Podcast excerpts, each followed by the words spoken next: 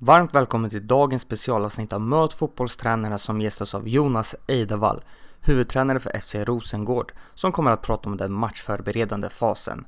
Han berättar om veckans olika faser, vilken dag de går in i den matchförberedande fasen, hur de arbetar med scouting av kommande motståndare, när de sätter upp en matchplan, hur träningarna kan se ut dagarna innan match, hur de presenterar motståndet för spelargruppen, hur många och vilka typer av klipp de visar, när han har sin matchgenomgång och mycket, mycket annat.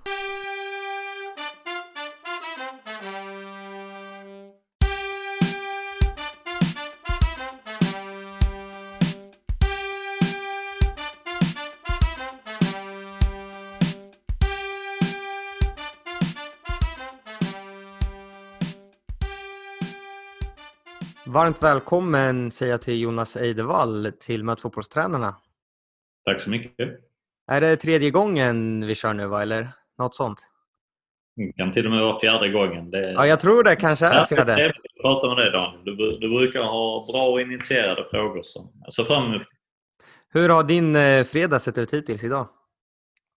Det har varit fotbollsträning eh, och eh, inte så mycket mer utan en morgon med att, med att mata tvillingar och sen så till jobbet och fotbollsträning och nu sitter jag här och pratar med dig.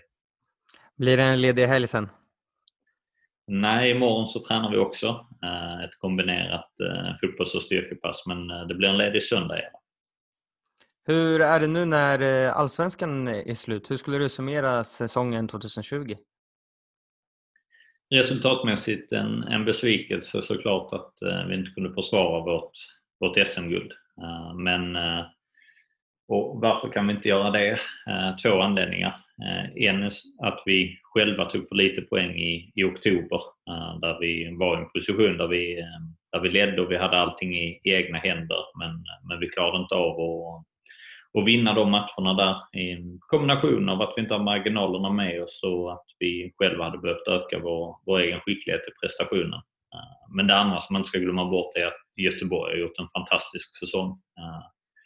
Poängmässigt att eh, ta så många poäng som de har gjort är, är oerhört imponerande. Och att släppa in så få mål som de har gjort är, är också väldigt imponerande. Och där ibland när man jämför fotbollslag så det är lätt att tro att det är stora saker som skiljer. Men om man skulle ta ett exempel som att defensiva hörnor så både vi och Göteborg har haft lika många hörnor emot oss under säsongen. Men vi har släppt in fyra mål och de har släppt in noll mål.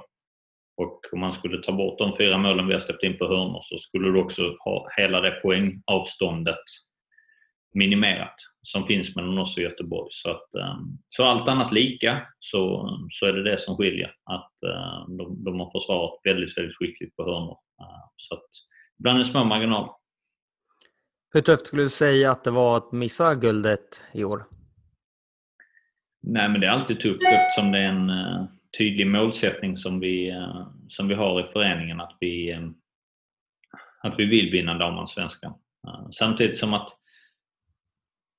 det är alltid viktigt, och det pratar vi också om i det här serieledaravsnittet, att, att utgå från det som man själv kan kontrollera och, och påverka. Och, eh, vår, vår, egen prestation har, har varit okej okay i år. Eh, den har inte varit wow. Eh, vi vill nå till, till högre höjder. Vi vill vara ett lag som ska kunna ta 55 poäng i, eh, i damallsvenskan och för att kunna göra det så har vi en bit kvar i vårt egna spel och det måste vi jobba intensivt med för att minska det gapet till säsongen 2021. I dagens avsnitt så ska vi gå djupare in på hur ni i Rosengård jobbar med den matchförberedande fasen. Om vi börjar, vilka faser är det under veckan ni jobbar efter? Man kan säga att efter match så är det en, eh, en återhämtande och en analytisk fas eh, som är oftast på två dagar eh, varav spelarna är, är lediga i vart fall en av de dagarna helt ifrån fotboll. Eh, sen beroende på hur lång tid som vi har till nästa match så ehm, kommer vi in i en överbelastande fas. Eh, men oftast så är den en till två dagar eh, där vi framförallt överbelastar fysiologiskt. Och därefter så kommer vi till en matchoptimerande, matchförberedande fas som vi försöker hålla på två dagar. Ehm, så, och upp till match. Så, så oftast de träffas. När har ni startat arbete med att scouta kommande motståndare? Man kan säga att om man ska se serien så vi tittar i matcher kontinuerligt och liksom får en bild av, av motståndaren men mer intensivt och titta på motståndaren så blir det oftast nästan direkt efter som vi är klara med analysen från eh, den, eh, den förra matchen. Eh, så börjar vi intensivt och fokuserat titta på, på nästa motståndare. Och ibland i undantagsfall om vi spelar tight med Champions League så vi kan spela söndag, onsdag, söndag. Då är det klart, då måste vi ligga lite, lite före. Eh, men jag tycker oftast att det är bra att man kan hålla en, en motståndare i taget med, med 100% fokus. Eh, det, det brukar vara det bästa. Om vi bortser från de här matcherna, att man kollar på dem för att de spelas på TV eller vad man ska säga. Hur många matcher går du mer specifikt in på att verkligen scouta motståndarna inför helgens match? Lite beroende på, på olika motståndare tycker jag. För att det, det viktigaste för mig det är att, är att få ett bra grepp om det lagets identitet som man ska möta. Alltså, vad är viktigt för det här laget? Eh, vad är det som gör att de, vad är det de behöver göra för att fungera på det sättet som, som de vill göra optimalt?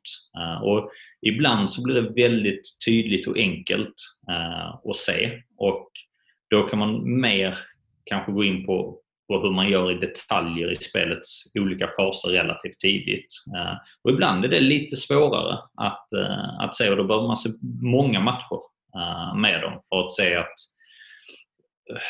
hur det laget reagerar mot olika eh, arbetssätt, mot olika formationer, ehm, hur de själva reagerar i, ehm, i liksom, om de hamnar i, i underläge till exempel i, i matcherna. Och ehm, då kan den processen vara, vara lite längre för att få ett grepp om vad som blir det verkligt essentiella för oss eh, i, i matchen.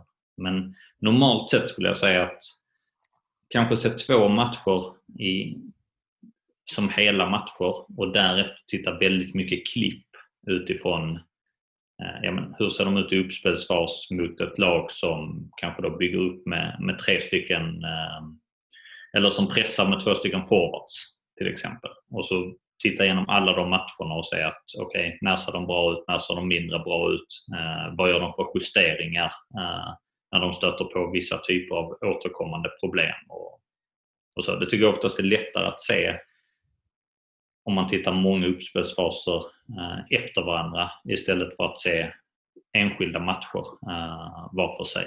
Mm. Så en, en mix av båda två. Har du tagit ut klipp då från några specifika matcher eller använder du något tekniskt hjälpmedel för att få fram speluppbyggnad, massa klipp i rad? Eh, vi använder oss av Instat eh, i, i det fallet.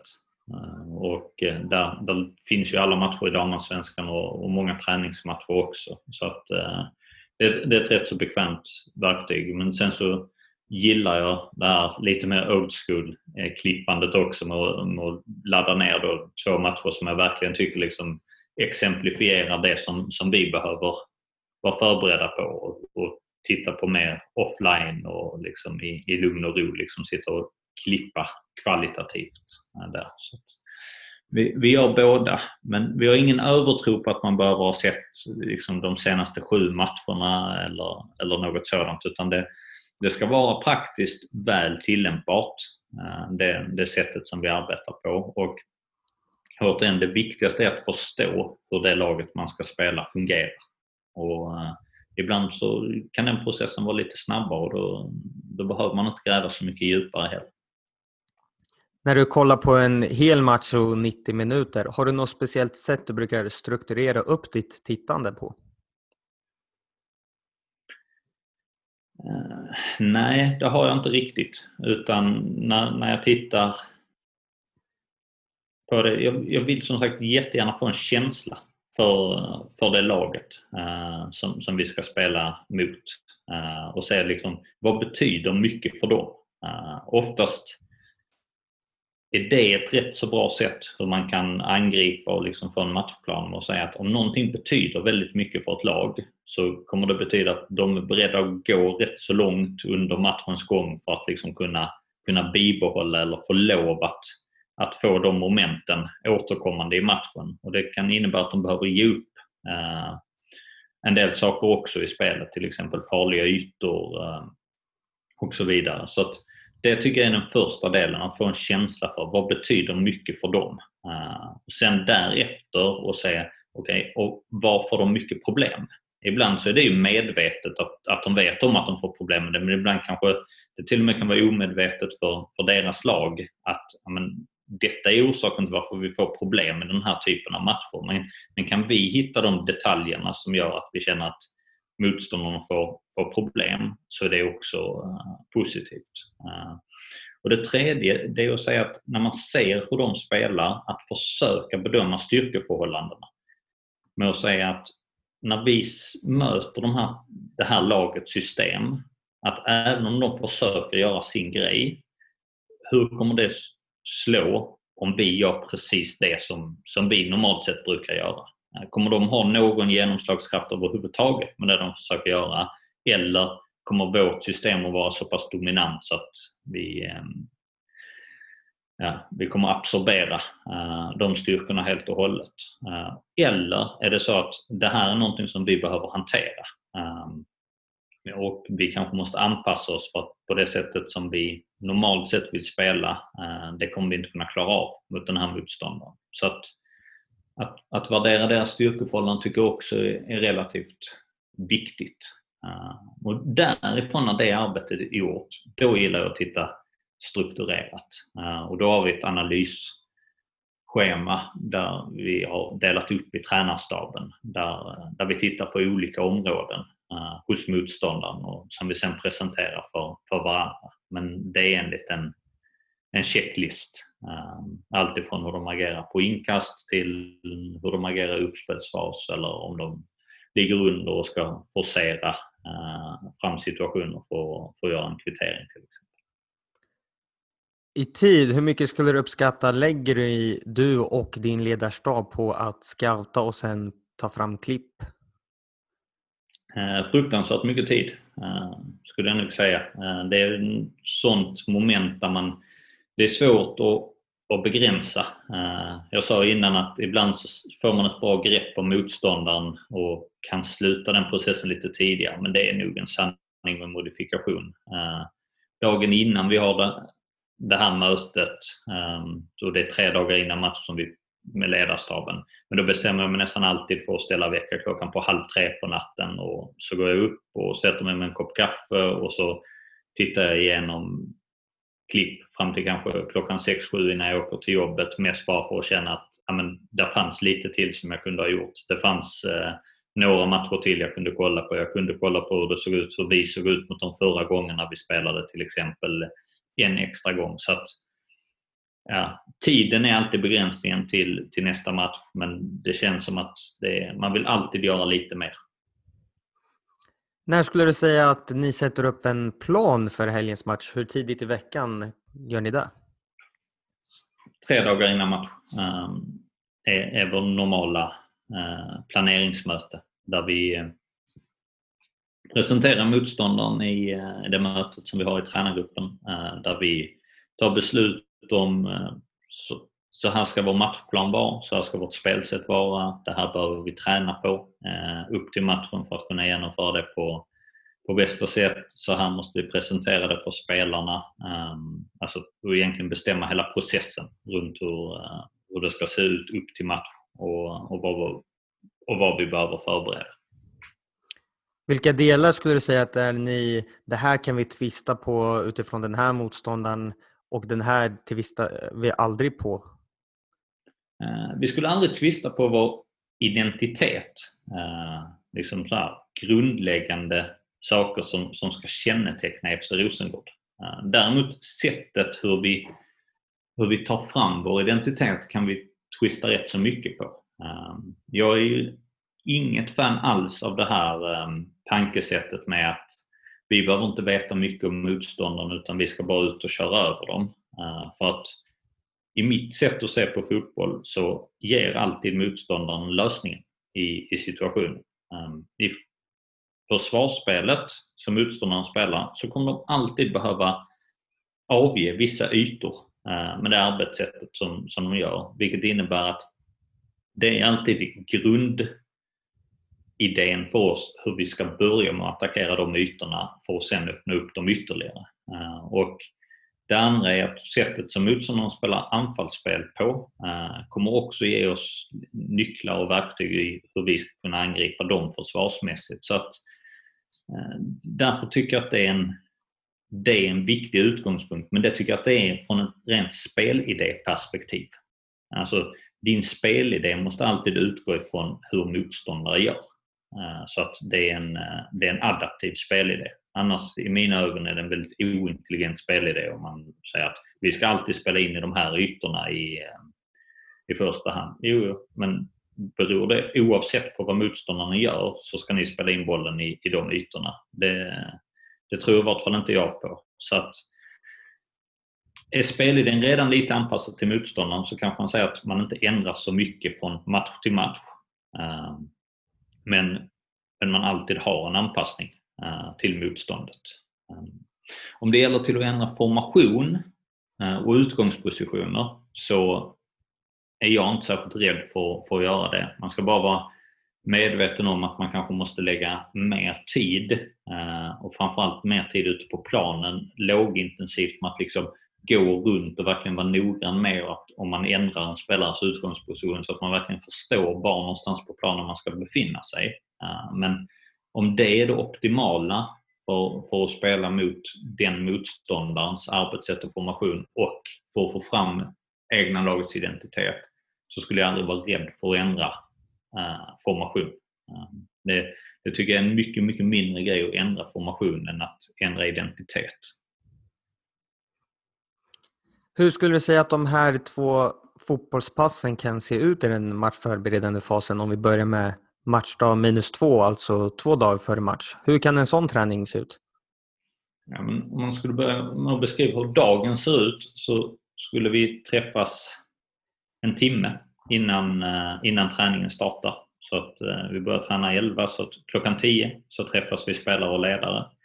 Och då håller vi en presentation på 15 minuter som är en kollektiv presentation eh, där vi beskriver motståndaren, vi beskriver de, eh, de utmaningarna, eller, ja, utmaningarna som vi har att spela mot den här eh, motståndaren som vi behöver lösa på en kollektiv nivå. Försöker begränsa det till att vara maximalt tre stycken områden för att ja, inte bli för oprioriterade i, i vad vi behöver sätta på plats uh, till, uh, till matchen. Därefter så delas vi i mindre grupper. Uh, ibland individuellt, ibland lagdelsmässigt för att beskriva mer specifika uppgifter mot motståndaren. Det kan vara att vår backlinje tittar på saker och ting som deras forwards gör som vi mer i detalj måste lösa till, till den här matchen. Sen så går vi ut och tränar och den träningen, allting som vi gör har någonting att göra med vår matchplan. Eh, om vi börjar med en passningsövning så kommer vi kanske rotera eller prioritera ett tekniskt moment som vi tror kommer hända ofta i matchen och så mycket som möjligt sätta spelare i, i positioner eh, om det är möjligt. Eh, och därifrån om vi väljer att arbeta med possession-spel eller om vi arbetar med stort spel eller om vi arbetar med alltså, rena övningar som liksom går i, i vågor fram och tillbaka. Det, det avgör jättemycket vilka moment det är vi vill träna på. Uh, det finns inget måste att vi ska vara 11 mot 11 två dagar innan match. Ibland är vi det uh, och ibland så är det så att båda lagen agerar som FC Rosengård uh, för att vi vi kanske är osäkra på hur på motståndarna exakt kommer att göra så att det finns, ingen, det finns inget egenvärde med att, eh, med att de ska göra exakt som motståndaren. Ibland är vi supertrygga med hur motståndaren kommer att göra och vi vet om att det kommer att vara en stor förändring för oss. Och då kanske vi väljer att ett presumtivt B-lag ska agera exakt som motståndarna gör för att vi ska kunna få, få träna och förbereda oss på det. Eh, men Så att träningsinnehållet kommer alltid att syftar till att förbereda så väl som möjligt till matchen, men hur eh, och vilka övningar vi väljer, det är väldigt mycket från, från vecka till vecka. Och där efter träningen, så en halvtimme efter träningen, så återsamlas vi de här mindre grupperna som vi hade innan träning eh, och så tittar vi eh, igenom träningsmomenten ihop och, och ger feedback på, på vad vi gjorde på träningen. Ehm, och ehm, stämmer av ungefär 15 minuter på det mötet. Och det kan man säga är då matchdag minus två som ser ut. De här äh, träningarna när ni låter ett lag representera motståndarna, hur hanterar de det?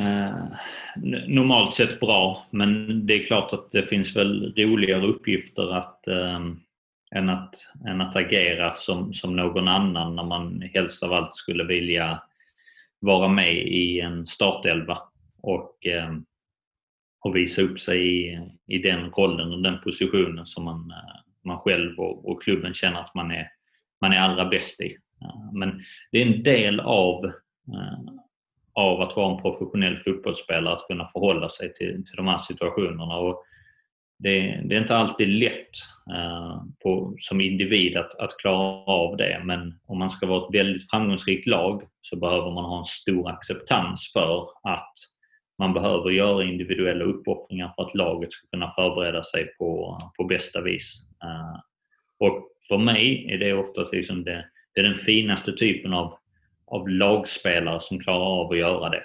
Eh, det, det säger väldigt, väldigt mycket om en, om en spelares karaktär när man klarar av att göra det till ett, på ett hundraprocentigt sätt. Eh, men eh, det, folk klarar det med, med varierande kvalitet. Sett till belastning, hur tuff tufft ska den här passet vara, matchdag minus två? Sett till den totala belastningen så ska det inte vara för, för tufft. Uh, utifrån att du inte vill dra på dig något slitage uh, till, uh, in till matchen. Samtidigt så är det väldigt, väldigt viktigt att de momenten som du ska utföra, att du gör dem med rätt intensitet. Så att du så du pressar med rätt intensitet så att du eh, kontrar med rätt intensitet. Eh, vilket kan göra så här att om man ska till exempel jobba med pressspelet så är det kanske bättre att jobba på en mindre plan med så att man får göra saker och ting i rätt intensitet. Du kanske inte behöver göra saker och ting med exakt rätt avstånd. Så att istället för att du ska sprinta 25 meter och komma upp i väldigt höga hastigheter så kanske du bara sprintar 10 meter och därmed inte kommer upp i så, så höga hastigheter. Likadant med om du ska gå från en kontring från lågt försvarsspel. Att det är klart att om du ska göra många av de repetitionerna över en hel 11-mannaplan så, så sliter det muskulärt ofrånkomligt. Men du kanske väljer att spela 11 mot 11 på en halv 11-mannaplan eh, och, och prioriterar momentet med att spela ur vid en bollvinst och precis starten på kontringen eh, och därmed kan göra det i maximal intensitet men att få ner belastningen. Så att från ett RPE-perspektiv att vi strävar efter att ligga kanske på 5-6 eh, på skalan där matchdag eh, minus 2. Men i intensitet när vi väl gör saker och ting att det ska vara i ett matchlikt tempo. När ni visade klipp så pratade de om att det mötet brukar vara på ungefär 15 minuter. Hur många klipp tycker du att man kan visa för att det ska bli tillräckligt mycket information men heller inte överdrivet mycket så att spelarna har svårt att sortera vad som kommer att bli viktigast? Ja, alltså eh, jag skulle säga att detta är en process jag har jobbat med hela mitt, eh, mitt tränarskap med att, eh, för det, jag vet, jag hade en spelare i Lunds BK, Fredrik Jönsson, han sa till mig efter en matchgenomgång där och sa att ja, men det är bra Jonas, nu har du gått igenom alla situationer som någonsin kan hända på, under en fotbollsmatch. Uh, så att det är bra. Nu är bara frågan vad som ska hända i just denna matchen som vi ska, som vi ska spela i. Och det handlar väldigt mycket om att välja bort, våga välja bort så att du kan prioritera vad du tror är, kommer vara de viktigaste faktorerna att sätta på plats uh, för att vinna fotbollsmatchen. Och antal klipp för 15 minuter, jag vet inte riktigt men jag gör en total film med, som, som blandar både stillbild och, eh, och rörliga bilder. Um, och den filmen ska inte överstiga fem minuter i speltid. Uh, om den gör det så, så kommer det bli en lite för, för fladdrig presentation. Och den ska inte överstiga mer än tre stycken områden heller. Så tre områden, fem minuter. Uh, det brukar bli lagom för att prata lite inledande om motståndaren, spela upp filmen, ha lite stopp, um, kunna få lite diskussioner om, uh, om några situationer, kunna ställa frågor till spelare, involvera dem, så blir det lagom på 15 minuter. Just det där som du nämnde nu med diskussion och ställa frågor. Hur ser det ut och vad, var det kan, vad involverar ni spelarna i och vad har ni bestämt på förhand? Hur vi spelar, eh, Ehm, det, det bestämmer vi i, i tränarstaben eh, till nästan 99 procent. Eh, ibland så kan vi beskriva att det här är så här kommer situationen vara, motståndaren kommer göra på detta sättet. Eh, och vi kan välja mellan att hantera detta på, med plan A eller så kan vi göra det med plan B. Och det kanske jag kan involvera spelarna i och säga, hur, vad känner ni er bekväma med? Eh, vilket sätt skulle ni vilja och, och angripa detta på? Skulle ni vilja pressa med breda forwards eller smala forwards till exempel? Eh, och så säger spelarna att ja, men det är mycket bättre om vi pressar med breda forwards. Ja, men det är bra. Eh, vi vet om att vi kan göra på båda sätt. Skulle det visa sig att det inte funkar med breda forwards så kan vi byta till matchen under smala forwards och vice versa. Så att ibland är det, är det ett sätt där, där vi kan involvera på. Eh, Ibland så gör vi det till en mer en rolig grej att vi, vi spelar upp ett klipp som symboliserar då motståndaren och sen så eh, samtidigt så ehm, får spelarna eh, spela hänga gubbe. Så vi, så vi pausar klippet efter några sekunder och så får de gissa bokstäver och om de inte har gissat rätt innan motståndaren har gjort mål i klippet så, eh, så har de förlorat och om de har gissat rätt ord då som då kommer vara temaord till, till motståndaren så får de vinna en belöning som kanske kan vara att, att välja något träningsinnehåll eller, eller någonting annat. Om vi går vidare till matchdag minus ett, hur ser den dagen ut? Mm, den försöker vi ha relativt konstant. Eh, den handlar väldigt mycket om, om oss själva. Eh, den handlar väldigt mycket om att liksom, sätta våra egna relationer eh, på plats så mycket som möjligt. En kort träning. Eh, vi försöker ha intensiteten hög eh, där också. Men den ser nästan likadan ut varje vecka. Så, så mycket igenkänningsfaktor för spelarna också någonstans för att kunna bygga de här rutinerna upp till en match. Att liksom kunna, kunna börja uppladdningen på ett, på ett bra sätt. Och eh, innehållet, hur ser det ut från start till eh, slut? Som vi gör, vi är oftast i kvadraten eh, till, att, till att börja med. Därefter så är vi i någon form av etablerat anfallsspel. Ibland är vi det i ett skuggspel, ibland är vi det mot en fyrbackslinje, ibland är vi det i, i ja, mot, men maximalt mot, mot sex stycken eh, spelare eh, skulle jag vilja säga. Och, och spendera tid egentligen för att så så många var matcher ut att vi är väldigt mycket i, i etablerat anfallsspel där vi jobbar med med våra relationer, våra triggers, när vi kan, när vi kan bryta oss igenom, hur ser vår balans ut så att vi kan återövra bra i, i situationerna och att spelarna får, får vara i de positionerna vi har tänkt oss till, eh, till matchen. Ehm, därefter så har vi en eh, avsluts övning, ehm, tävling som, som spelarna gör och eh, sen så spelar vi lite intensivspel, fyra mot fyra, oftast med med väggar eh, på, på kanterna för att kunna jobba lite grann med, med inspel in i Golden Zone också. Och, eh, därefter så tar vi ut en startelva och så jobbar vi med fasta situationer och några spelare jobbar individuellt. Visar ni några klipp eh, innan den här träningen eller efter träningen? Oftast inte. Utan vi, eh, vi är ofta klara med det, matchdag minus två. Ehm, skulle det vara någonting som vi känner att man behöver förtydliga så gör vi ju alltid det på matchdag minus ett. Ibland om vi har bytt till exempel formation eller något annat så kanske vi innan kvadraten så joggar vi runt 15 minuter i eh, och går igenom exakt hur våra positioner ser ut när vi pressar eller hur vi ser ut om vi ska rotera någonting i en uppspelsfas och, och så. Men eh, det, det är mer undantagsfall. På själva matchdagen, när har du din matchgenomgång? 105 minuter innan match.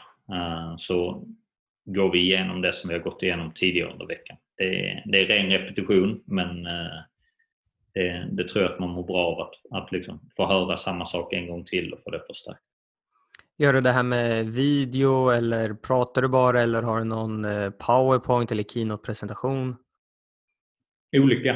Uh, ibland med video, uh, oftast bara på taktiktavla. Uh, oftast genom att ställa frågor till spelarna med att, med att sätta upp situationer och säga hur gör vi i denna situationen? Och ställa frågor till dem specifikt utifrån positioner. Hur gör du i den här situationen? För, för att kontrollera att, eh, att de har förstått eh, det som, vi har, det som vi har gått igenom, det som vi har förberett i matchen. Så att man inte hamnar i det här där man säger att eh, du ska göra så här, har du förstått? Och så säger någon ja, det har jag gjort. Eh, det är aldrig någon som säger nej. Men när någon ska förklara med egna ord, då märker man rätt så snabbt om någon har förstått eller inte. Och eh, det är såklart problematiskt om, ingen, om det är någon som inte har förstått 105 minuter innan match. Det är samtidigt en väldigt stor fördel att få reda på det 105 minuter innan match jämfört med när, när domaren blåser igång matchen. För då är det väldigt svårt att göra någonting åt det. Så att, därför väljer vi att göra på det sättet. Är det någon viktig del i den matchförberedande fasen som ni gör som vi inte har pratat om?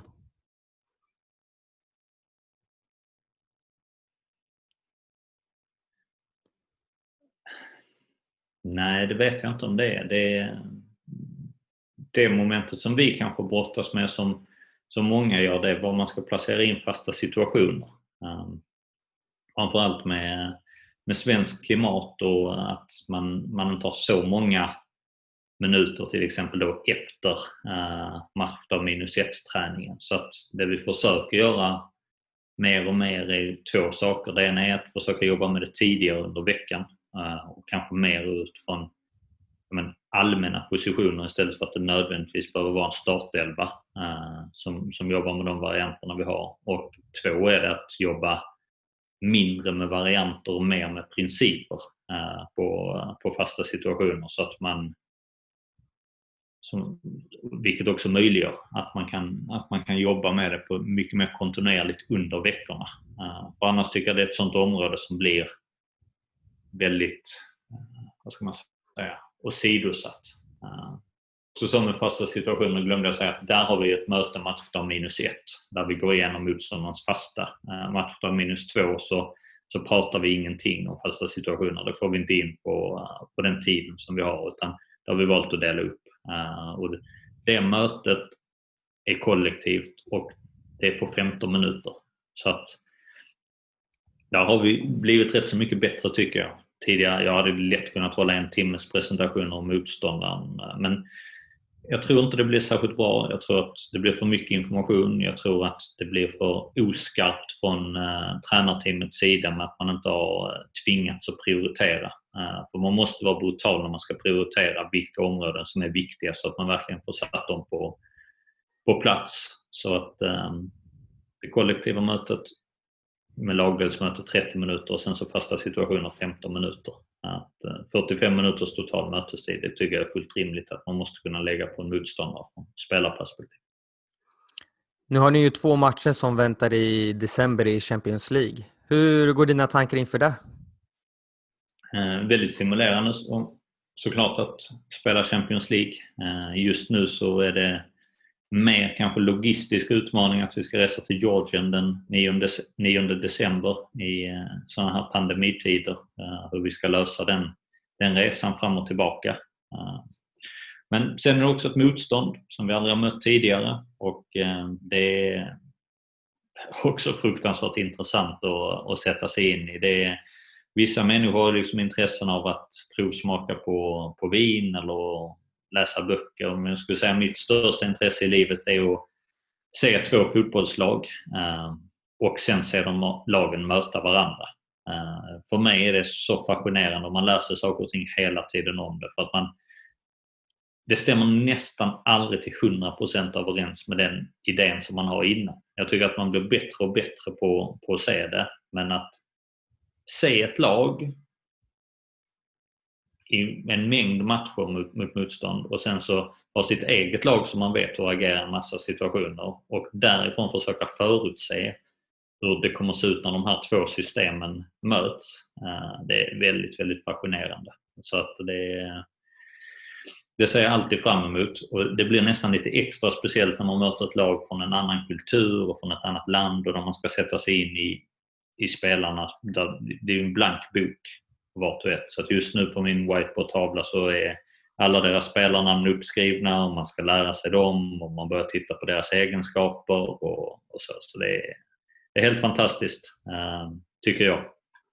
Vad vet du om motståndet hittills och hur starka är de om du skulle jämföra dem med damallsvenskan? Jag tror att det är ett lag som hade haft eh, det tufft i damallsvenskan. Eh, men det är samtidigt ett lag som har vunnit två stycken matcher här nu i, i Champions League som slog ut eh, Cluj från Rumänien som eh, Rosengård för bara tre år sedan hade lite problem i, i bortamatchen. Så att, eh, det, därför har vi full respekt för motståndet och de har, ehm, de har verkligen gått in i de här två Champions League-matcherna som de har vunnit för, med mentaliteten att det är två VM-finaler och de har firat de här avancemangen som de har vunnit VM-guld båda gångerna också. Så att det är, det är ett lag med väldigt mycket självförtroende som kommer komma in i den första matchen och har en stor tro på att liksom kunna göra det omöjliga möjligt igen. Så att, eh, vår ödmjukhet både från den säsongen vi kommer ifrån och eh, form av att vi ska in och spela den tuffaste klubblagsturneringen i, i världen, den är såklart stor så vi ska förbereda oss eh, till 110 procent. Skulle du säga att eh, du och din ledarstab eller spelarna har haft något problem med att liksom energiladda om igen nu efter den här extremt långa säsongen, missat guld och nu börjar det bli kallt och december och sen ska man spela två väldigt viktiga matcher? Jag tror att den mentala energin är någonting som man, liksom, man hela tiden måste beakta och måste vara, vara duktig med. Vi har, vi har försökt att ta tog en liten semester här efter damallsvenskan för att göra någonting annat än fotboll och, och ladda om batterierna. Eh, men det är jag tycker ändå att det, det känns förvånansvärt bra. Jag trodde nog att det skulle vara, vara tuffare att hålla på så här sent in på, på året under en sån här lång säsong och där vi egentligen har, har kört på fullt här sen, eh, sen slutet på juni. Men eh, jag känner att vi har bra fart så att jag är övertygad om att vi kommer klara av det här till, till mitten av december och sen efter det så tar vi en månads semester innan vi ses i januari. Då får jag önska dig och laget stort lycka till i kvalet och tack för att du tog dig tid idag. Tack själv.